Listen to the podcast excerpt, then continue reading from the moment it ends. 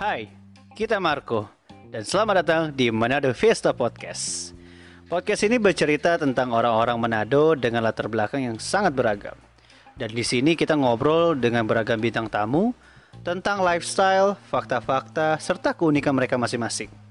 Semuanya akan dibahas di Manado Fiesta Podcast, persembahan dari Dinas Pariwisata Pemerintah Kota Manado. Ladies and gentlemen, welcome back to Manado Fiesta Podcast.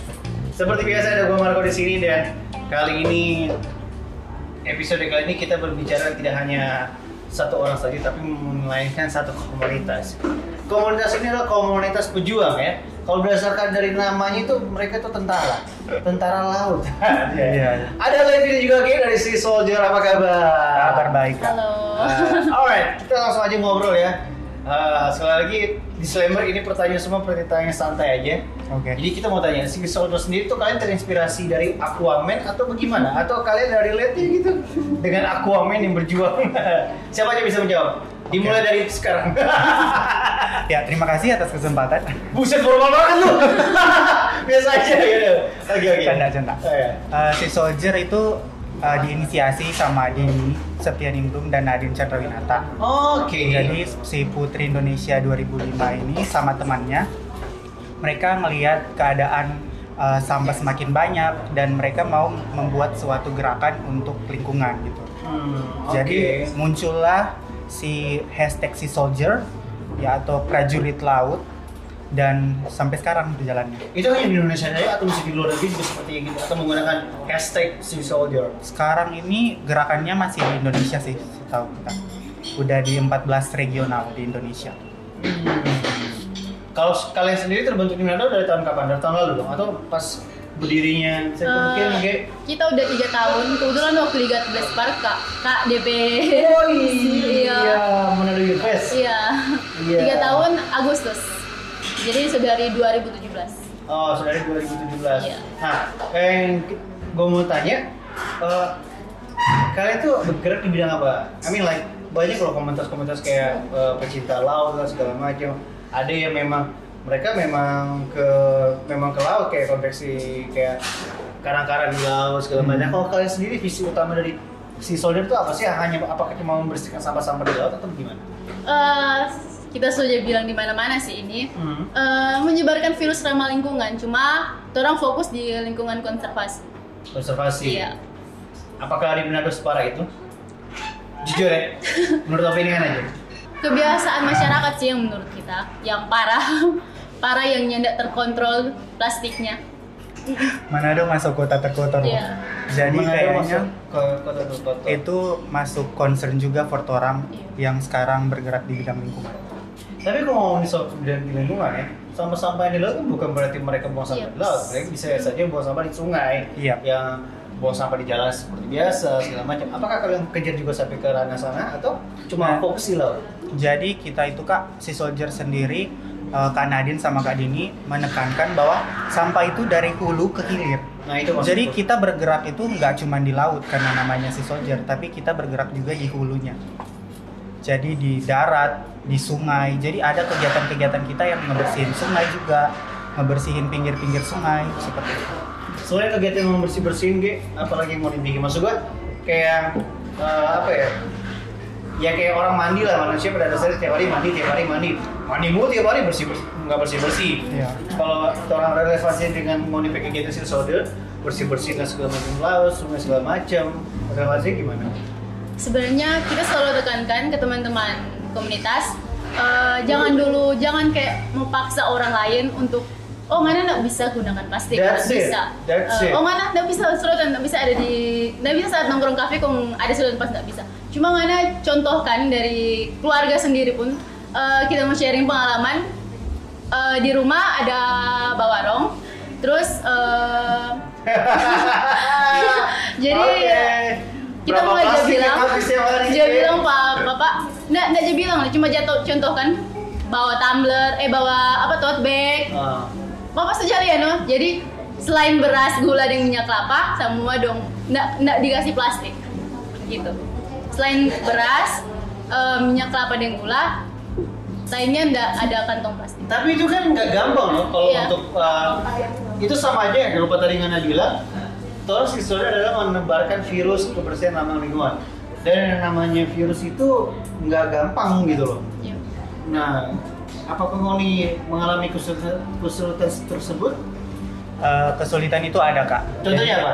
Kita mau ngana jujur sekarang untuk apa? Ada memang yang kabal. Jatuhnya lebih ke orang-orang yang kalau misalnya eh, dia ingin bergerak, ya pasti bakal langsung tak kena dong apa yang orang sampaikan lewat edukasi. Cuman kalau misalnya memang so tabiat, so kebiasaan, agak susah juga orang mau rubah, orang mau kasih eh, mesti kasih pelajaran yang bagus-bagus dong. Cuma ya, orang mulai dari orang pendiri sendiri Jono dulu sekarang apa pun yang orang lakukan sekecil apa pun itu ya pasti dampaknya nanti akan orang lihat sendiri apakah baik dan orang lain boleh contohi atau bagaimana. Kegiatan selain bersih-bersih ngapain aja kalian? Orang ada edukasi, jadi banyak orang siap dengan komunitas lain. Orang ngajarkan anak-anak SMA eh, tentang pesisir laut dan juga sampah. Dan yang terakhir itu, orang ada kolaborasi sama NGO dari luar negeri. Orang mengajar anak-anak SMP di Pulau Bangka. Jadi pelajarannya ekstrakurikuler, bukan soal matematika, IPA dan lain-lain, tapi tentang ekosistem pesisir laut dan Oke, juga sampah. Eh, ini kita minta Ngoni jawab jujur ya. Anak-anak yang di kota, Ujis Manado, sama anak-anak yang di Pulau Bangka, anak-anak yang di Pulau Siladin, even though Pulau Manado tua, Mhm. mereka concern tentang soal kebersihan lingkungan, mana lebih peka? Anak-anak yang di Manado, ini kota Manado, atau anak-anak di luar kota Manado, which is anak-anak kampung? Eh, kalau kita sih menurut kita lebih mudah untuk mau di- memahami itu anak-anak yang di Luar kota? Iya. Soalnya kayak kalau anak-anak yang di Manado kayak "Ih, apaan sih? alay begitu dang. Hmm. Jadi dorang lebih lebih peduli sih kalau menurut kita anak-anak yang kampung begitu. Betul, Betul, betul. bukan kebalikannya. Mak- Maksud kita harusnya kan orang yang di dalam kota tuh uh, mesti lebih smart gitu loh. Iya. Terutama mereka dengan media sosial, mereka gampang banget tidak ada filterisasi, gampang aksesibilitasnya gampang. Harusnya mereka membosan, tapi ternyata mereka tidak ya. Ini mah bukan di Iya. opini pribadi ya. Soalnya kalau Jadi orang-orang kota di Manado sama orang-orang kampung di luar Manado, mereka lebih paham tentang kebersihan lingkungan dong. Itu ironis dong berarti. Iya, ironis. orang kota acu tak acu soal lingkungan sih. Mau nih bu pakai influencer-influencer nggak sih ajak influencer-influencer lokal di Manado? Hmm, sejauh ini Torang belum Belum ada belum ada kerjasama dengan influencer. Cuman eh, ada anak-anak si soldier yang bisa dibilang dorang eh, lumayan punya followers Iya. gitu. Ah. Jadi ya torang pakai dorang juga biar menyebarkan virus ramah lingkungan ini. Karena ya bisa dibilang karena torang sudah tiga tahun, ada juga orang-orang yang memang tergerak yang mau join sendiri ke ini torang pe komunitas. Moni bilang tadi eh, nggak harus fanatik dengan plastik dan segala macam. Ya memang sih beberapa upaya harus dilakukan dari eh, dari berbagai jenis apa ya kalangan ya dari baik pihak eh, minimarket pun sudah ada beberapa, pihak beberapa tempat juga sudah ada menerapkan stop penggunaan sama plastik. Bukan berarti kalian fanatik sama plastik dong. Ya. Kalaupun orang harus menggunakan plastik, kalau dari Indonesia sendiri ada cara ini caranya kalau caranya ngomong misalnya pakai cara plastik yang benar. Adakah mau edukasi seperti itu? Mungkin jawab. Uh, kalau plastik sebenarnya plastik itu di, uh, awalnya diberikan untuk uh, kemudahan manusia toh. Betul. Cuman yang ironisnya plastik yang hanya sekali dipakai. Jadi torang pakai satu kali langsung torang buang. Padahal sebenarnya plastik itu kalau torang pakai ulang berkali-kali ya bakal lebih baik toh. Torang boleh cuci, torang simpan dan boleh pakai ulang. Sebenarnya kalau memang torang harus harus sekali mau pakai itu plastik ya boleh digunakan berkali-kali. Itu no DP apa ya yang DP positif dan sebenarnya. Berarti selama ini permasalahannya bukan hanya mereka buang sama sembarangan, berarti permasalahan juga mereka yang tidak teredukasi bagaimana penggunaan plastik secara secara benar. Benar. Begitu dong. Iya begitu. Alright. Adakah dari kalian cara mengajarkan plastik yang benar gitu ke sekolah-sekolah gitu kayak apa tadi Ngana bilang gitu? eh, sekarang orang buat eh, untuk anggota baru yang solo sekarang, orang udah perbiasa perbiasakan buat ecobrik. Jadi ecobrik itu eh, kayak kalau misalnya ada botol plastik, plastik-plastik yang anorganik, potong-potong, terus isi di situ, nantinya itu boleh jadi kursi, boleh Oh, bisa jadi ya? Iya, Iya. dalam Oh. jumlah yang banyak. Udah udah Muni udah buat? Ada. Ada di Muni Instagram hasilnya? Belum sih, masih sementara proses. Maksudnya orang sementara buat itu yang eco brick. Hmm. Kalau misalnya kita mau tanya, tanggung jawab sebenarnya ini tanggung jawab full pemerintah atau mesti tanggung jawab pribadi orang kalau dalam soal masalah kota terkotor di Indonesia? Eh, kalau kita pribadi sih ini tanggung jawab orang semua kang. Orang nggak bisa salahkan pemerintah, orang nggak bisa salahkan eh, pabrik-pabrik yang baking dompet kemasan pakai plastik, atau tuh nggak bisa salahkan dompet diri sendiri eh, eh, untuk karena orang beli sampo, so, so begitu, so ada plastik di situ, Iya. mau bagaimana? Jadi kurang orang pakai kesadaran no, mau kontrol itu plastik itu. Bukan anti plastik tuh Moni. Oke, kita tertarik lebih ke let's talk about your soldier. Saat ini jumlah kalian ada berapa anggota? Kalau jumlah anggota yang aktif ada sekitar 50-an. Oh ya? Karena ya bisa dibilang ada yang datang, ada yang pergi. Hmm. Karena tidak selalu orang itu komit. Masa kalian bukan yayasan ya? Kalian komunitas. Kalau atau kalian menjual ke yayasan? Jadi kak eh, si soldier yang di pusat itu sekarang sudah yayasan. Udah yayasan. Udah yayasan Oke. karena keseriusannya Kak Nadine sama Kak Dini. Jadi dari tahun 2018 sudah yayasan. Dan kalian kan juga sekarang udah jadi yayasan dong. Ya jatuhnya Otomatis ya? Iya, otomatis kita ini 14 regional bekerja di bawah yayasan. Jadi kalau ada program-program dari pusat, kita juga jalanin. Selain kegiatan-kegiatan kecil yang kita bikin. Oke, ini ada pertanyaan sedikit, sedikit sensitif, tapi kita harus pertanyakan selalu kita rakyat jelata. Sumber dana kalian. Oke. I mean like, oke kita berorganisasi, berkomunitas, doing something, something good, something ya apa pun, apalagi zaman sekarang ya. Hmm. Hai guys, aku buang sampah ya, pansos lu. ya ngerti ya. Tapi Iya. let's talk not, let's not talk about the pansosnya. Eh, karena gini pun aja kita lagi pansos ringo nih kasar ya. Iya. let's talk about eh, sumber dana kalian. Kalau sumber dana Ini agak sensitif ya si doi. yang si soldier pusat eh, ada pendonor, ada da- rokok. Cuma kita nggak bisa sebutkan. Iya iya iya ada korporat. Salah satu, salah Ada satu. korporat Iya. tembakau ya. Iya iya iya iya. Kalau Kayak gue bisa tebak nih siapa nih. Kalau si soldier Sulawesi Utara sendiri ada kerjasama kerjasama dengan NGO seperti saya bilang tadi. Juga orang ada eh, seperti komunitas lainnya ada yuran Ya bulan. bulanan. Hmm, berarti kalian dana kalian dari CSA CSA beberapa Iya. korporat Iya. dan juga iuran per bulan segala Iya. macam kan. Tapi kalau dari si soldier sulut sendiri dari awal kak kebanyakan memang dari anggota no baku tambah dulu buat kegiatan-kegiatan semua. Itu mau mau ngomongin aktivitas pribadi nggak? Ya kalau orang komit, orang memang suka dengan kegiatan lingkungan, orang rasa enggak sih? Karena hobi. Hobi apa bu? Hobi mungut-mungut sampah. Hobi Karena- yang cinta laut sih kak, orang suka Orang- snorkeling, diving. Sebenarnya entah kenapa ya, kayak kita menjaga sampah. Sebenarnya itu hal yang wajar. Cuma entah kenapa apa tadi kan bilang tuh, alen tuh kita sendiri pun tapi aja di rumah kayak bang aja bawa tampar mereka sama nih pegawai-pegawai PNS yang di kota itu kan. ya, karena Hmm. mi- mindset mereka seperti itu. Nah kalau kalian mendapatkan tekanan seperti itu ada nggak? Jadi sebenarnya kalau kita pribadi suka bawa jalan Hmm. dan eh, mulai ditemui sampah-sampah di jalan, sampah-sampah di laut, mulai resah sendiri dan mulai ada eh, masyarakat yang masyarakat yang seenaknya buang buang sampah, ya pasti sendiri dan dalam "Ih, nggak, kita pe kita pe tambah hiburan kok mang ini kok nggak buang buang Ah. sampah begitu Iya, dah. Iya, iya, iya. Mana, Evi? Eh, kalau tekanan kita sebenarnya dari rumah ada lumayan sih dari mama yang Jabi ngodang ini sampah mau bagaimana jadi kita aja tekankan oh, sekarang kita juga semula yang ekobrik itu jadi sampah-sampah di rumah yang plastik-plastik kita kumpul kita cuci ya walaupun Sampah orang dicuci. bertanya tanya iya kak jadi karena sampah plastik kan itu ada yang Oke, sorry minyak. sorry. Sampah plastik ya guys. Iya. Sampah plastik. Dan sampah Iya, sampah plastik plastik. itu ada tulang ikan kayak Iya. bonovo kayak jadi macem. so kasih pisah Ah. mana yang uh, sisa makanan sama sampah plastik jadi kita cuci kasih kering di matahari terus ya kita gunting-gunting kasih masuk dalam botol yang eco brick tadi Hmm. satu rumah bertanya-tanya ini siapa ini sampah dan cuci Bisa jadi juga sampah. sih itu sampah menurut kalian?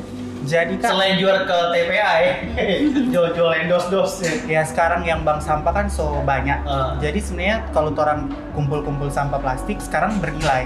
Dan bahkan yang ecobrick itu kalau bikin banyak dan boleh jadi kursi, boleh jadi meja, DP nilai jual juga lebih bagus. Alright, ini pertanyaan Lisa. Kenapa masih sampah plastik? Ada ada banyak ini sampah-sampah loh.